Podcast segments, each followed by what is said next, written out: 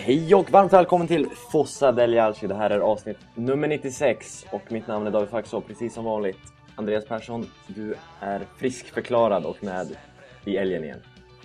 Ja, friskförklarad, men tillräckligt friskförklarad. För att kunna prata i alla fall. Yes. Hade lite problem med rösten. Mm. Eller jag hade en sjukdom som fick konsekvenser att jag fick problem med rösten, kan man ju säga. Så det är därför vi har haft lite svårt att spela in. Det är inte jättekul att lyssna 30-40 minuter bara på mig tror jag. Fossa del Alci är ju inte något utan ska prata. Så är det. Vi är själva idag, tyvärr måste det väl sägas. Vi har sökt med ljus och lykta efter, efter en bra gäst till avsnittet, men eh, det går inte alltid. Det är inte helt lätt att tajma in tre stycken personer som ska sitta och prata om fotboll i en timme. Så är det. Men då blir det gästfrihet. Och det säger jag för att jag inte har någon ost och vill, vill skänka glädje till de som eh, uppskattar mina ordvitsar. Ja, nej, men dagens avsnitt, vi blir Mercato såklart inne i den perioden och jag har väl full koll på det området just nu känns det som. Och, så vi, vi kör igenom det och Andreas ger sin input helt enkelt. Har också en match till, eh, till helgen mot Lazio som det kanske är dags att börja vinna igen nu. Som vi väl såklart ska prata om också.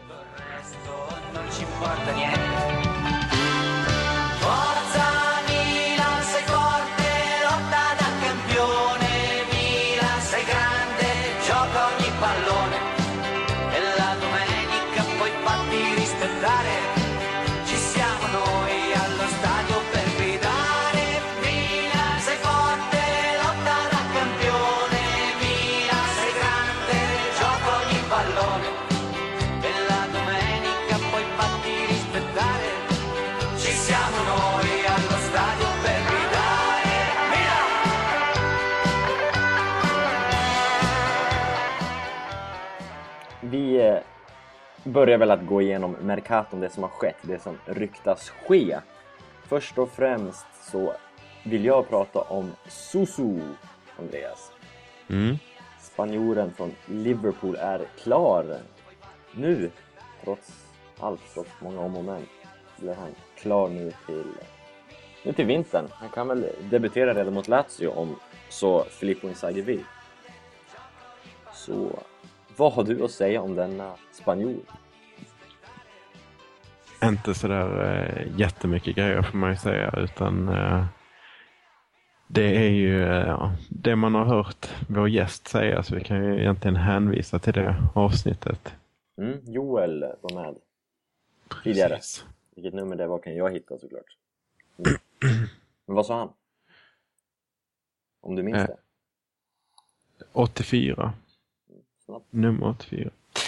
Ehm, nej men han var ju, han var ju eh, inte så um, positivt inställd till Torres i Milan och inte så positivt inställd till Balotelli i Liverpool. Men positivt inställd till Sosa överlag Mm. som talang. Ehm, så att det är ju um, någonting att, att och eh, ta fasta på så att säga. Sen så finns det ju en fara som jag har hört Liverpool-supportrar spekulera i att han kanske inte är den rätta för spelsystemet. Nej. Förutsatt att vi ska fortsätta med 4-3-3. Mm. Det är väl samma som jag har hört. Jag kan ju säga att jag så sent som idag har pratat med, med samma Joel Bäckström som var med i det 84 avsnittet Mm. om just Susu. Jag slängde upp frågan om, om vad jag trodde och om han hade spelat lite frågande. Det har han ju inte, som våra lyssnare såklart vet. Det är mot Lazio han kan spela först. Om det nu skulle bli så. Men han var, han var, trodde på det här och han sa att han skulle kolla intresserat på på, på matchen eh, mot Lazio på lördag för att se sin gamla adept helt enkelt. Han, han trodde på honom i den, spans- eller i den italienska ligan. Eh, med tanke på det går ju lite långsammare ändå, även om man blir lite lurad av kameravinklar ibland. Jämfört med England. Mm. Och att hans tekniska mittfältsroll skulle ja, passa bra i Italien eh, med lite mer lågtittande försvar. Han berättade att, att det var lite av en specialitet för honom att dyrka upp lågt sittande försvar. Och det ju, låter ju väldigt positivt just nu. Det känns ju exakt som det vi behöver faktiskt. Mm. Med tanke på hur dåligt det har gått de här senaste tre matcherna. Mm. Så jag är spänd inför lördag. Nu tror jag dock inte att Lazio kommer vara lika lågt sittande dock. Ska sägas. Det såg inte ut så på San Siro. Inte riktigt. Om man eh, blickar tillbaka där. Men det, mycket har ju hänt sedan dess. Det har det ju i båda lagen. Det kan vi ju eh, gå in på sen. Men eh, De Vries är ju inte den, är ju lite mer en Kloss nu än vad han var eh, rundpelare på när El Shaarawy sprang förbi där på eh, säsongens första match. Mm. Eh. Men Soso, vad tror du han, eh, vad tror han skulle kunna gå in? Eh, De jag har pratat med tror ju på en, en Metsala-roll, även om inte brittiska supportrarna uttryckte det så, men på ett mittfält. I, om vi spelar, om jag la upp frågan, spelar vi 4-3-3, var går han in? Och då trodde de väl inte riktigt ytter var hans position, så då blir det ju ett, på ett mittfält helt enkelt. Ja, nej, då får jag eh, tro på detta helt enkelt. Har inte så mycket att tillägga. Sen så kan man ifrågasätta om det är den, eh, det spelet vi kommer att spela. Det finns, eh, finns ju lite bekymmer generellt sett med hur det ser ut i, idag. Eh, och 4-2-3-1, eh, det, det finns ju spekulationer om att vi ska börja med det och det finns ju fog för de spekulationerna. Man vill ju ha in eh, Pazzini eller om man vill ha in en prima punta och då är det Pazzini som finns just nu. Sen så finns det ju lite Mercato spekulationer utöver det. Men man vill ju också ha Menes naturligtvis men man vill inte ha honom längst fram. För att det funkar inte. Ja, har, har det visat sig nu i alla fall. Det har ju funkat bitvis men inte, inte fullt ut. Så det är svårt att veta vad man har honom om det är Menes som går in i formsvackor. Men det, man ser ju ganska tydligt ett strukturellt problem i att vi inte har någon fast referenspunkt i, i anfallet. Mm. Vår eh, kära vän och gäst som har varit med här flera gånger, Vicky Blomé, tror jag det var i alla fall, som uttryckte det smart eh, angående Prima Punta. Nu glider vi ifrån Susu, men det, Mm. vi fortsätter. Att hans tio mål han har gjort i ligan i år, är det väl, beror Mm. inte på att han har varit prima punta eftersom han flyter omkring så mycket ändå. Skulle han haft en ytterposition skulle han ändå kunna flyta omkring och kanske gjort de där målen. Många är ju gjorda på straff också. Mm. Och att det kanske liksom har varit lite sett, sett bättre ut än vad det egentligen har varit med Menes längst fram. Att det kanske hade kunnat blivit ännu bättre med en fast punkt som du Mm. säger längst upp. Och det har vi också sett nu i de här tre senaste matcherna hur, hur vi inte har någon där framme helt enkelt som vi kan rikta anfallen mot eller kring. Ingen som gör målen. Nu är inte Pazzini den stora målskytten längre. Så det är ju där, där lite vi står och faller just nu tycker jag. Ja, ja, samtidigt så borde det inte vara problemet eh, att Pazzini inte gör så många mål för att El Shaarawy borde kunna göra mål, Cherchi borde kunna göra mål, Menes borde kunna göra mål. Um, och sen så har vi andra spelare som inte finns tillgängliga nu, Honda. um, till exempel, så att det borde inte vara något problem att, att uh, Pazzini inte gör 30 baljor liksom. Men, men um, Mm. Det jag skulle mer säga att det är att, att man inte har en riktig anfallare. Och det, det är ju själva idén med att ha en falsk nia, att det inte är en riktig anfallare. Men eh, uppenbarligen så har det inte funkat och då får man ju testa någonting nytt. Eh, Susu var vi på. Eh, men vi kanske landar där att vi är ju båda lite o- osäkra på vad det är för kille, vad det är för spelare. Han har ju beskrivits av Mexes som en, som en tyst liten pojke första dagarna. Vi får se om han fortsätter så. Han har väl lite ryktet över sig att vara lite småstökig ändå. Eh, inte alls på Balotelli-nivå eller för den delen Mexes-nivå, men han är, ska ju inte vara den här tysta pojken kanske. Vad jag har hört. Det, det visar väl sig. Han kommer nog inte ställa till med så mycket trubbel nu de här första dagarna skulle jag gissa på. Nej, det får man inte hoppas i alla fall. Övrig Mercato, vi pratar centrala anfallare, ska vi bolla upp något namn där då? I en sån diskussion. Destro har ju varit det som som har varit med hela Mercato de här 20 dagarna. Mm. Vad tycker du om det? Ja, vi eh, pratade väl lite om det senast att vi är väl inte så förtjusta av honom, eh, i honom, någon av oss. Kanske gjorde, det var rätt länge Uh, och, ja, jo. Uh, men uh, jag har för mig det. Det är i alla fall så. Eh, från min sida i alla fall att eh, jag är inte förtjust i honom och jag gillar väldigt mycket Pazzini så jag ser inte varför man ska göra den rockaden. Det har visserligen liksom växt hela tiden. Vi har hela tiden under Mercato-spekulationerna sagt att fokuset borde inte vara på anfallare men nu knackar det ju lite där framme också så att det finns ju ehm, en del som hävdar att det finns skäl att, skaffa en anfallare. Men jag ser ju fortsatt att, att eh, behovet är större på andra positioner. Minnet är ju kort, som vi, som vi brukar vara inne på. Mm. Just nu känns det mest akut med en central anfallare, då är det en central anfallare vi vill ha. Mm. Säger om Pazzini gör två mål mot Lazio, då kommer det inte vara det vi pratar om i nästa avsnitt. Nej, Pazzini skulle ju säljas innan han gjorde mål. Mm. Så att det svänger väldigt snabbt. Inte bara på, uh, för oss supportrar utan även i, lednings, eh, i ledningen. Visst är det så.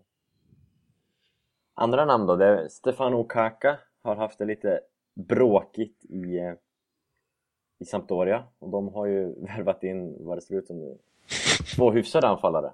Mm. I alla fall en hyfsad och en som kan bli hyfsad kanske. Och Kaka, han... Är det ett namn för Milan tycker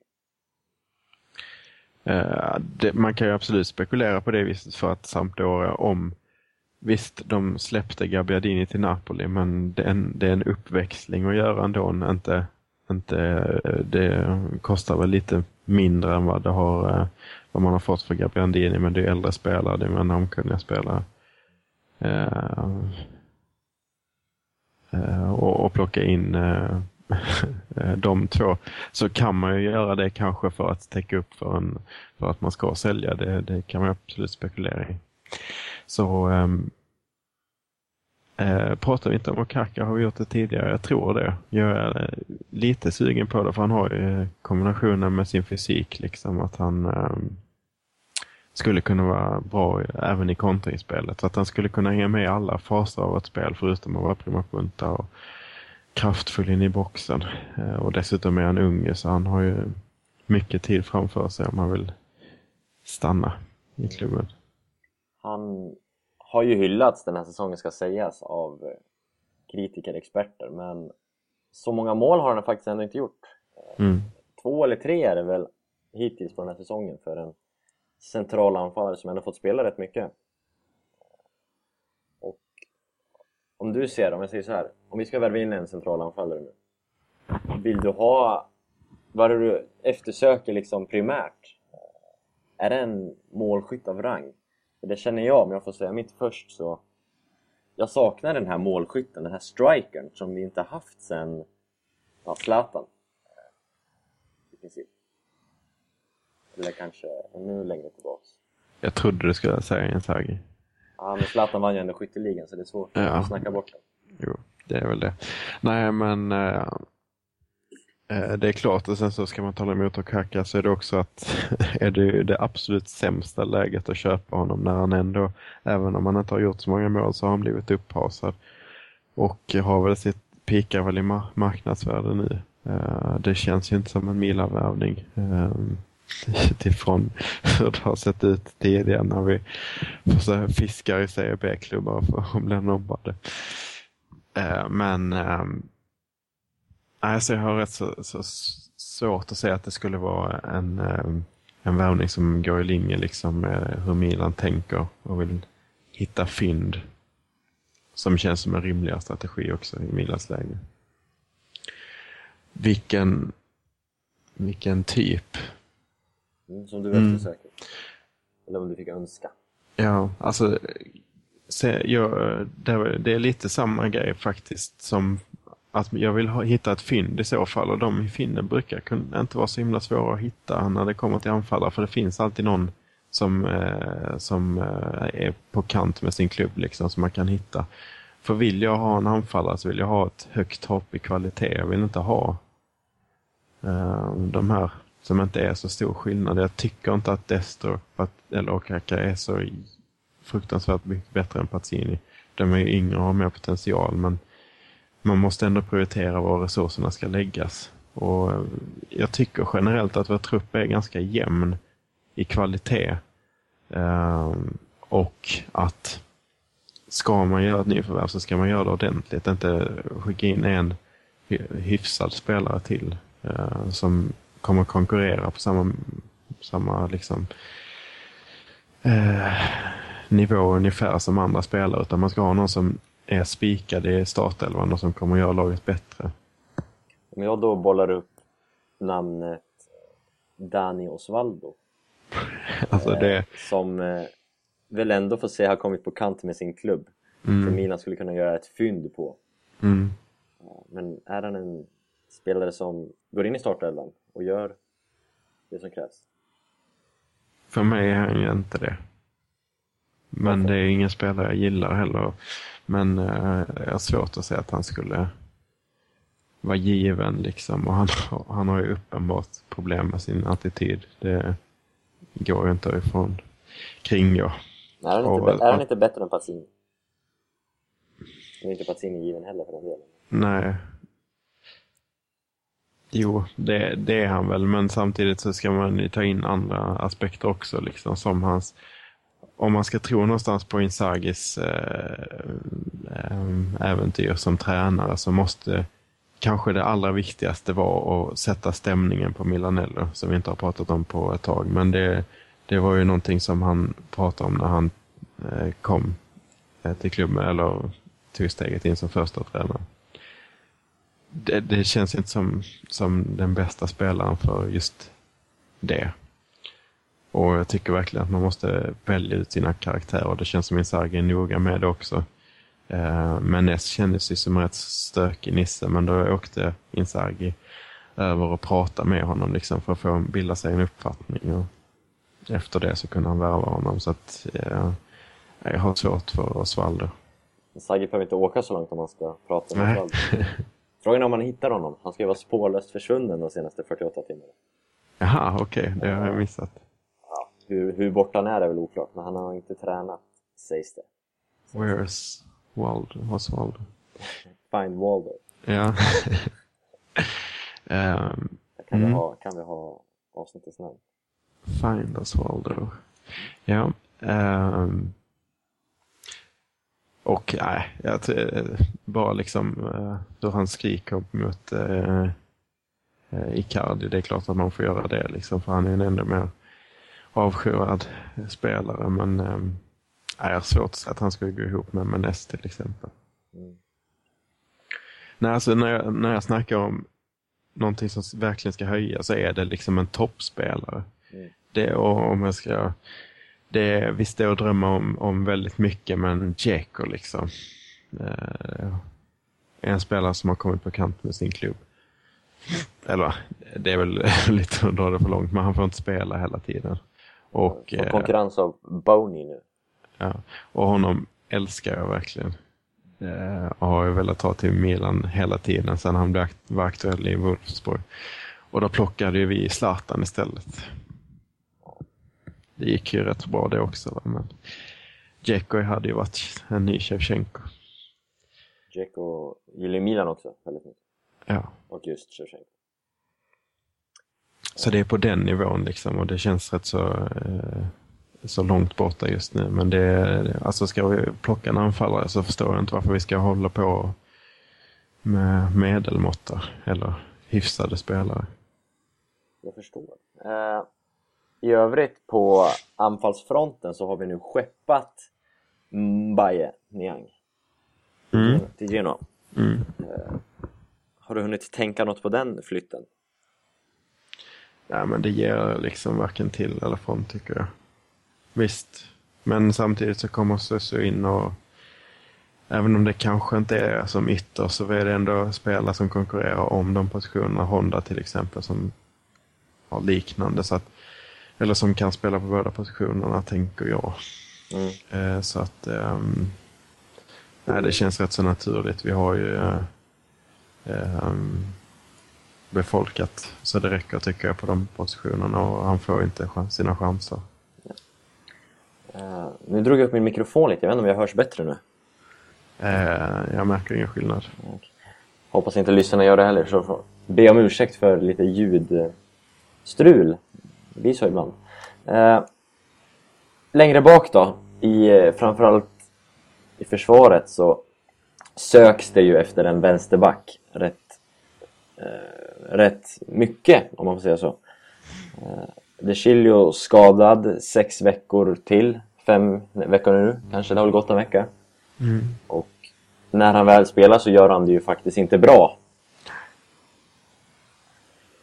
Så jakt på vänsterback har vi... Om vi, vad tycker du om först och främst om De Chilio? Vår favorit, både din och min. Mm. Och Reza, vår gode vän. Som... Är det vårt fel att De Chilio är som han är? Han har ju inte varit bättre än den tiden då vi hyllade sönder honom. Ja. Han har inte, han har inte utvecklats. Nej, verkligen inte. Ja, det är, vi får ta på oss det helt enkelt. Nej, alltså den här säsongen har ju inte varit bra alls. Och jag tycker det är, det är jättesvårt.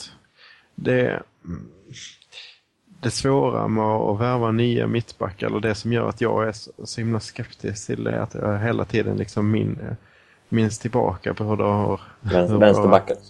Ja, Du sa mittback. Ja, Ja, förlåt. Hur vår jakt på mittbackar, eller vänsterbackar har, har eh, varit evig och eh, fruktlös. Mm. Ehm, och det som väl har suttit har varit Antonini liksom och de italienska Milan-skolade alternativen. Mm. Och det är inte så, jag tycker ändå inte att att eh, han gör liksom så mycket skada. Fast mot, sist gjorde han ju det. Ja, det gör, alltså det, det händer ju men om man ställer lite perspektiv med hur det kan läcka på en vänsterkant där man liksom blir nervös så fort det gör ett anfall, eh, får ett anfall mot sig. Men absolut att han inte är någon trygghet på samma sätt som han har varit tidigare. Så det är, det är en väldigt svår avvägning tycker jag. Och jag förstår att många vill värva nytt men jag är, är skeptisk till eh, med tanke på hur det sett ut tidigare. Och då eh, snackar man om namn som eh, som eh, eller spelare från Atletico Madrid till exempel. Två Stycken, ja, precis. Men det har varit en andra eh, belgaren också innan. Fan, fan någonting heter han? Jag tror inte Alderweireld. Alderfield heter han. Ja. Eh, och Atletico som spelar på ett helt annat sätt än Milan gör.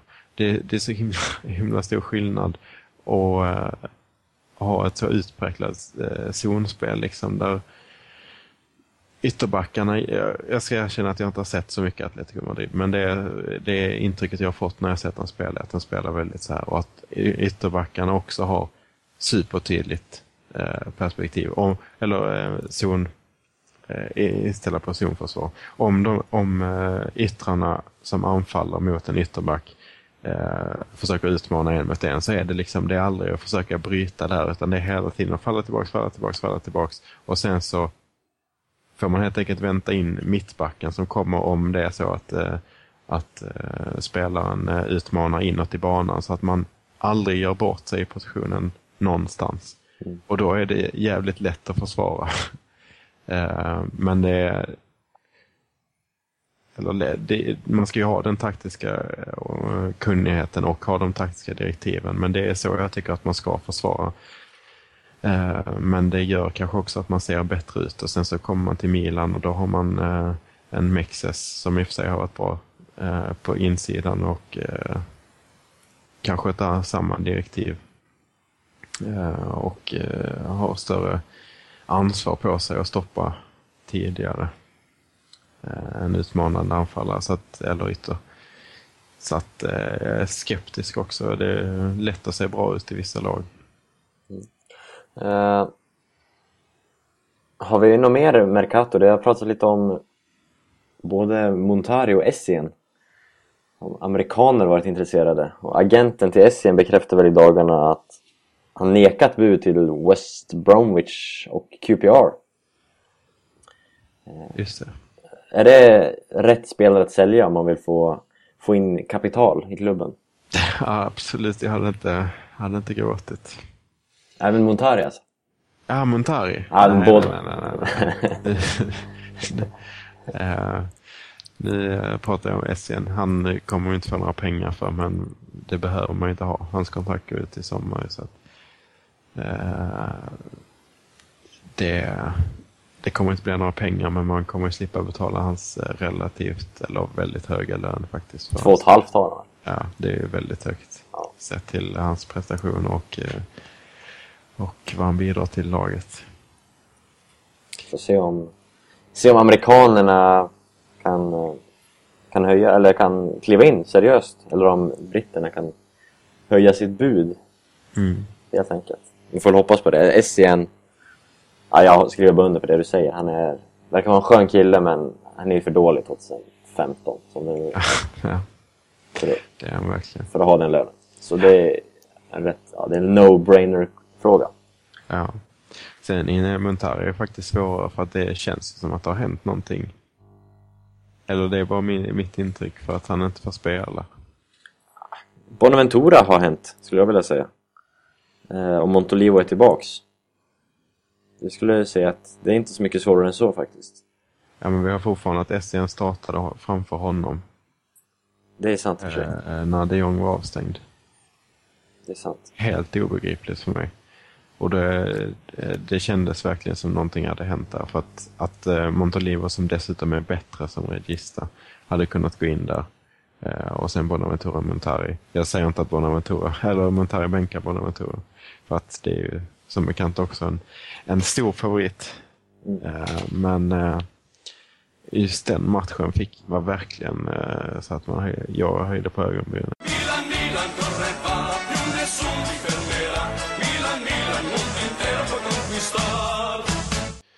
Jag har fått lite kommentarer på att tempot är lite segt och att man somnar faktiskt genom att lyssna på bara mig och Andreas. Så vi har försökt höja tem- tempot i det här avsnittet och vi ska fortsätta med ett högt tempo tänkte vi. Så nu får ni inte somna. Eh, det har gått halva säsongen nu så innan vi pratar upp Milan-Lazio så kommer Andreas med den geniala idén att vi snabbt kör igenom alla matcher som har gått den här säsongen och tror inte att vi kommer prata nu i 45 minuter för det här, nu går det fort alltså.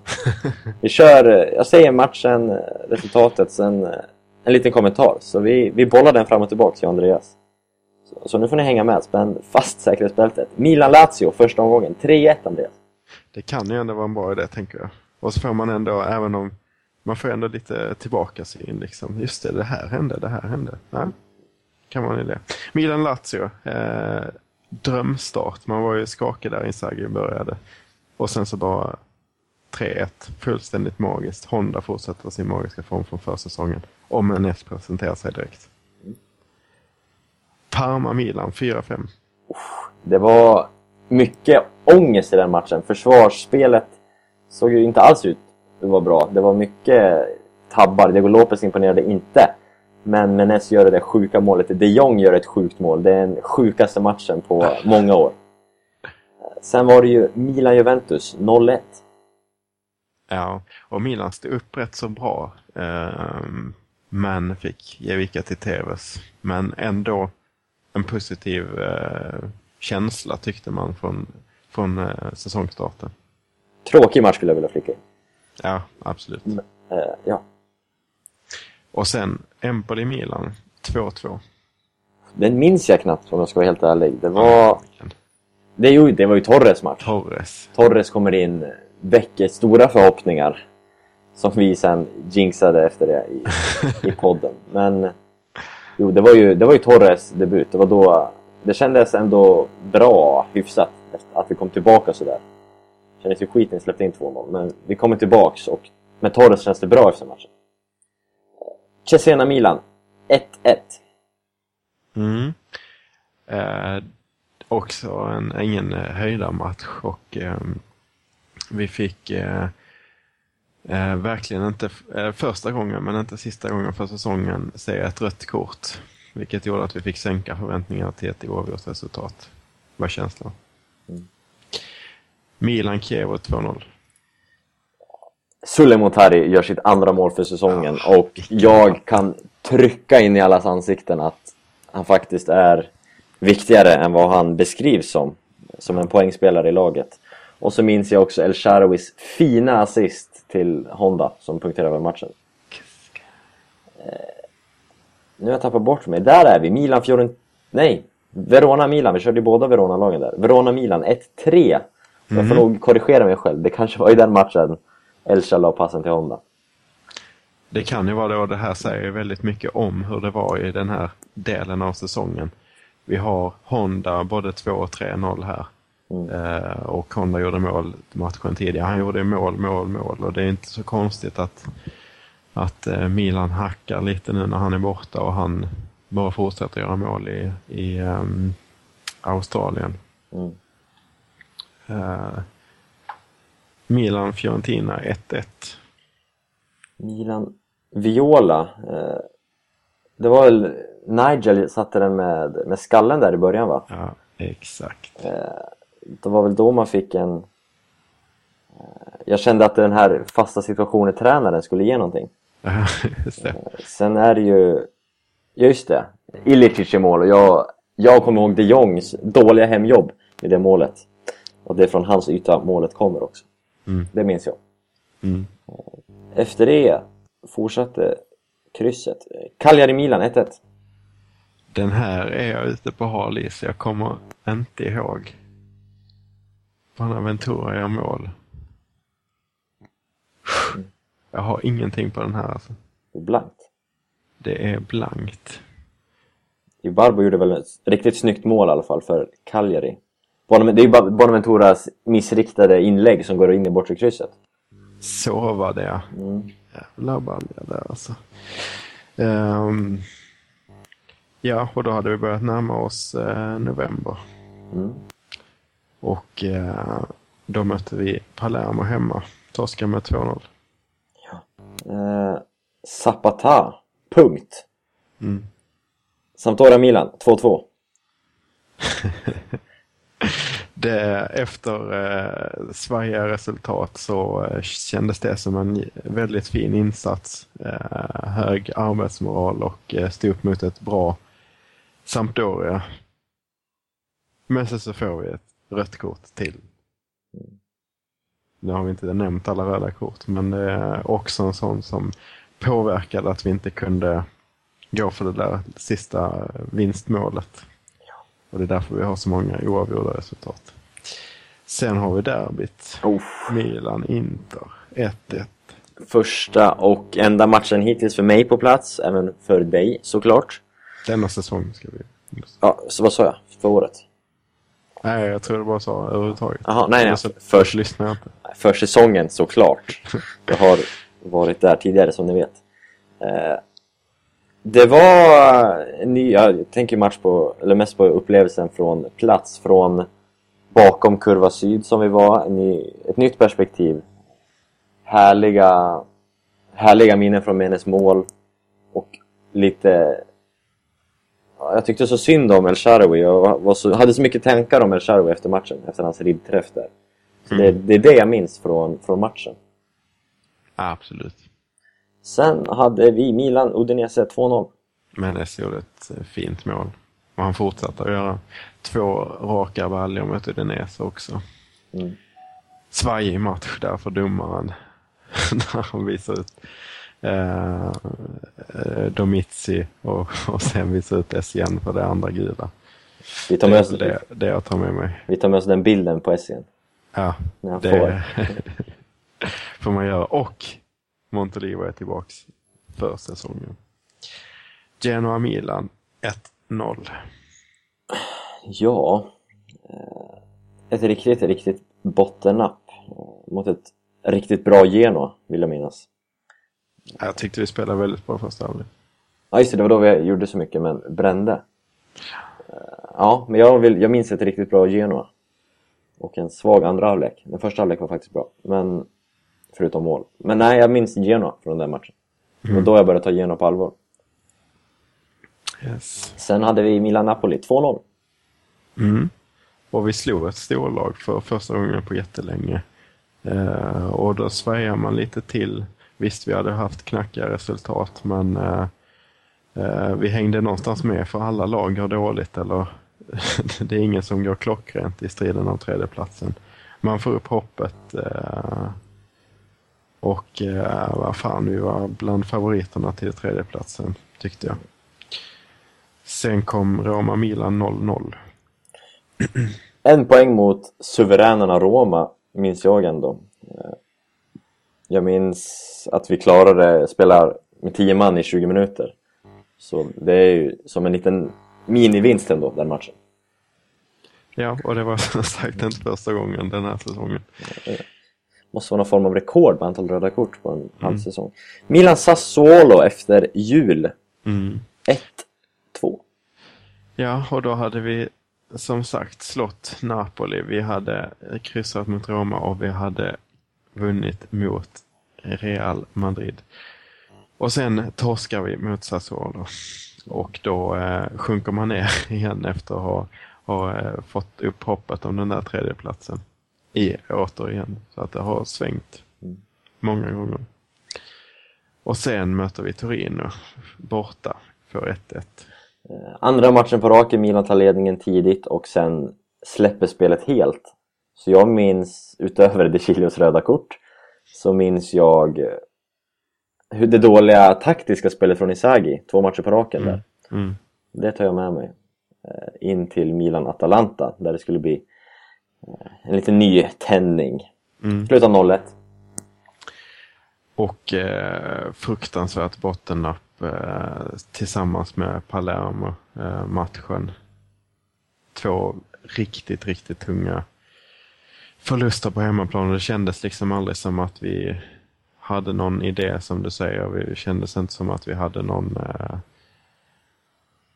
det, det känns verkligen inte som att San Siro är någon slags fort där, där man eh, kommer och skakar skakar i benen när man, eh, när man hör eh, eh, inmarschlåten. Utan det känns snarare som att alla ser det som en möjlighet att, att knäppa poäng. Vilket de gjorde.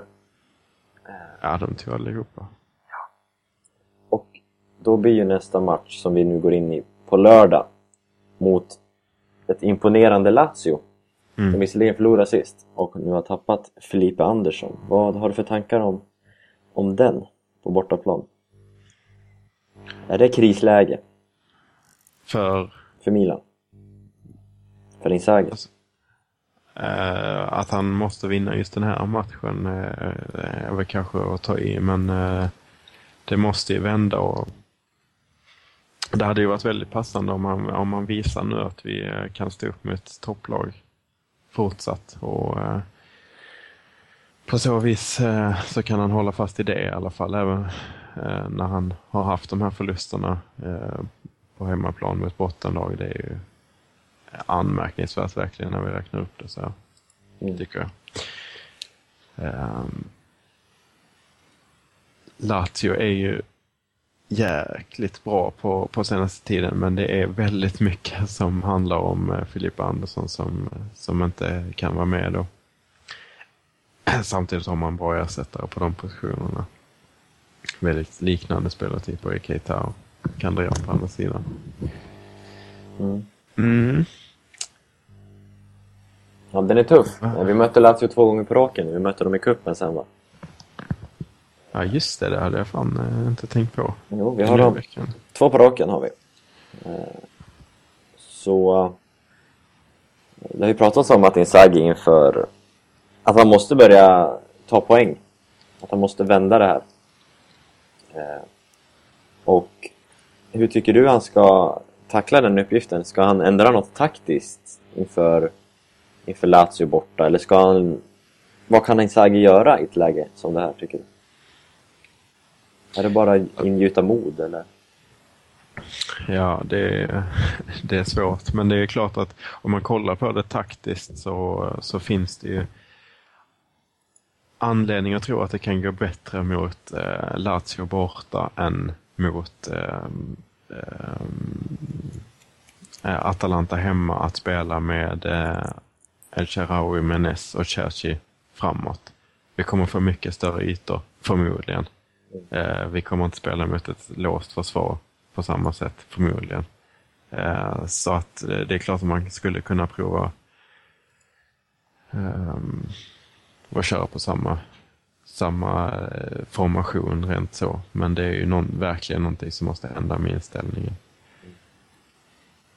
Eh, det är alltså så som det ser ut mot Atalanta, liksom. att, att man lägger under med 1-0 på San Siro i typ en halvtimme och man sätter nästan och somnar liksom, för att det, det känns så hopplöst att eh, få in någon kvittering. Eh, man försöker liksom, det känns hopplöst. Alla, det känns som att alla tycker att det känns hopplöst. Eh, så att det är väl främst inställningen som måste ändras.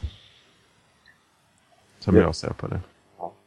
Jag skriver under. Jag tror eh, ytorna blir större. Jag tror Lazio nästan kommer vara... Ja, de kommer inte backa hem på hemmaplan på Olympico mot ett svagt Milan. Så Nej, gör man inte det mot eh, Roma i ett derby utan då blåser på, med alla cylindrar istället så, så tror jag inte att man gör det ett Milan heller. precis. Så ja, jag ser ändå fram emot den här matchen. Jag tror det kan bli...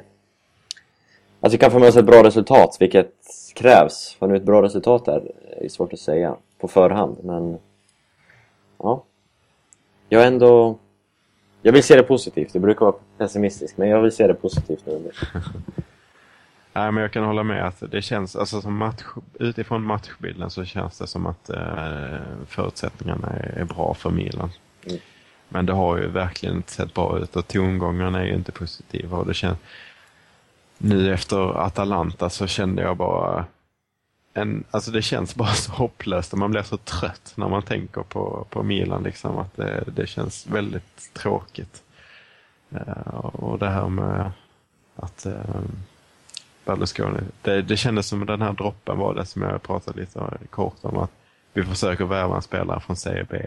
Ett lag som är på väg flyttas ner från Serie B och får budet nobbat. Liksom. Alltså det, det, det är så långt ifrån, alltså ska Milan hålla på och, och liksom hacka med sådana marginaler, det känns Alltså det är så löjligt så det finns inte. Då, då känner man bara att den där Silvio borde sälja klubben. Bra! De orden får avsluta Fossa del Alce avsnitt 96, tycker jag. Mm. Så att inte våra lyssnare somnar. Det vore ju för jävligt faktiskt. Ja, tack. Eh, tack för idag Andreas. Tack själv. Vi... Ja, nu ska jag inte säga när vi hörs. Vi är väldigt dåliga på att hålla löften. Men vi hörs nästa gång. Det gör vi. Eh, Adjöken, ciao. ciao.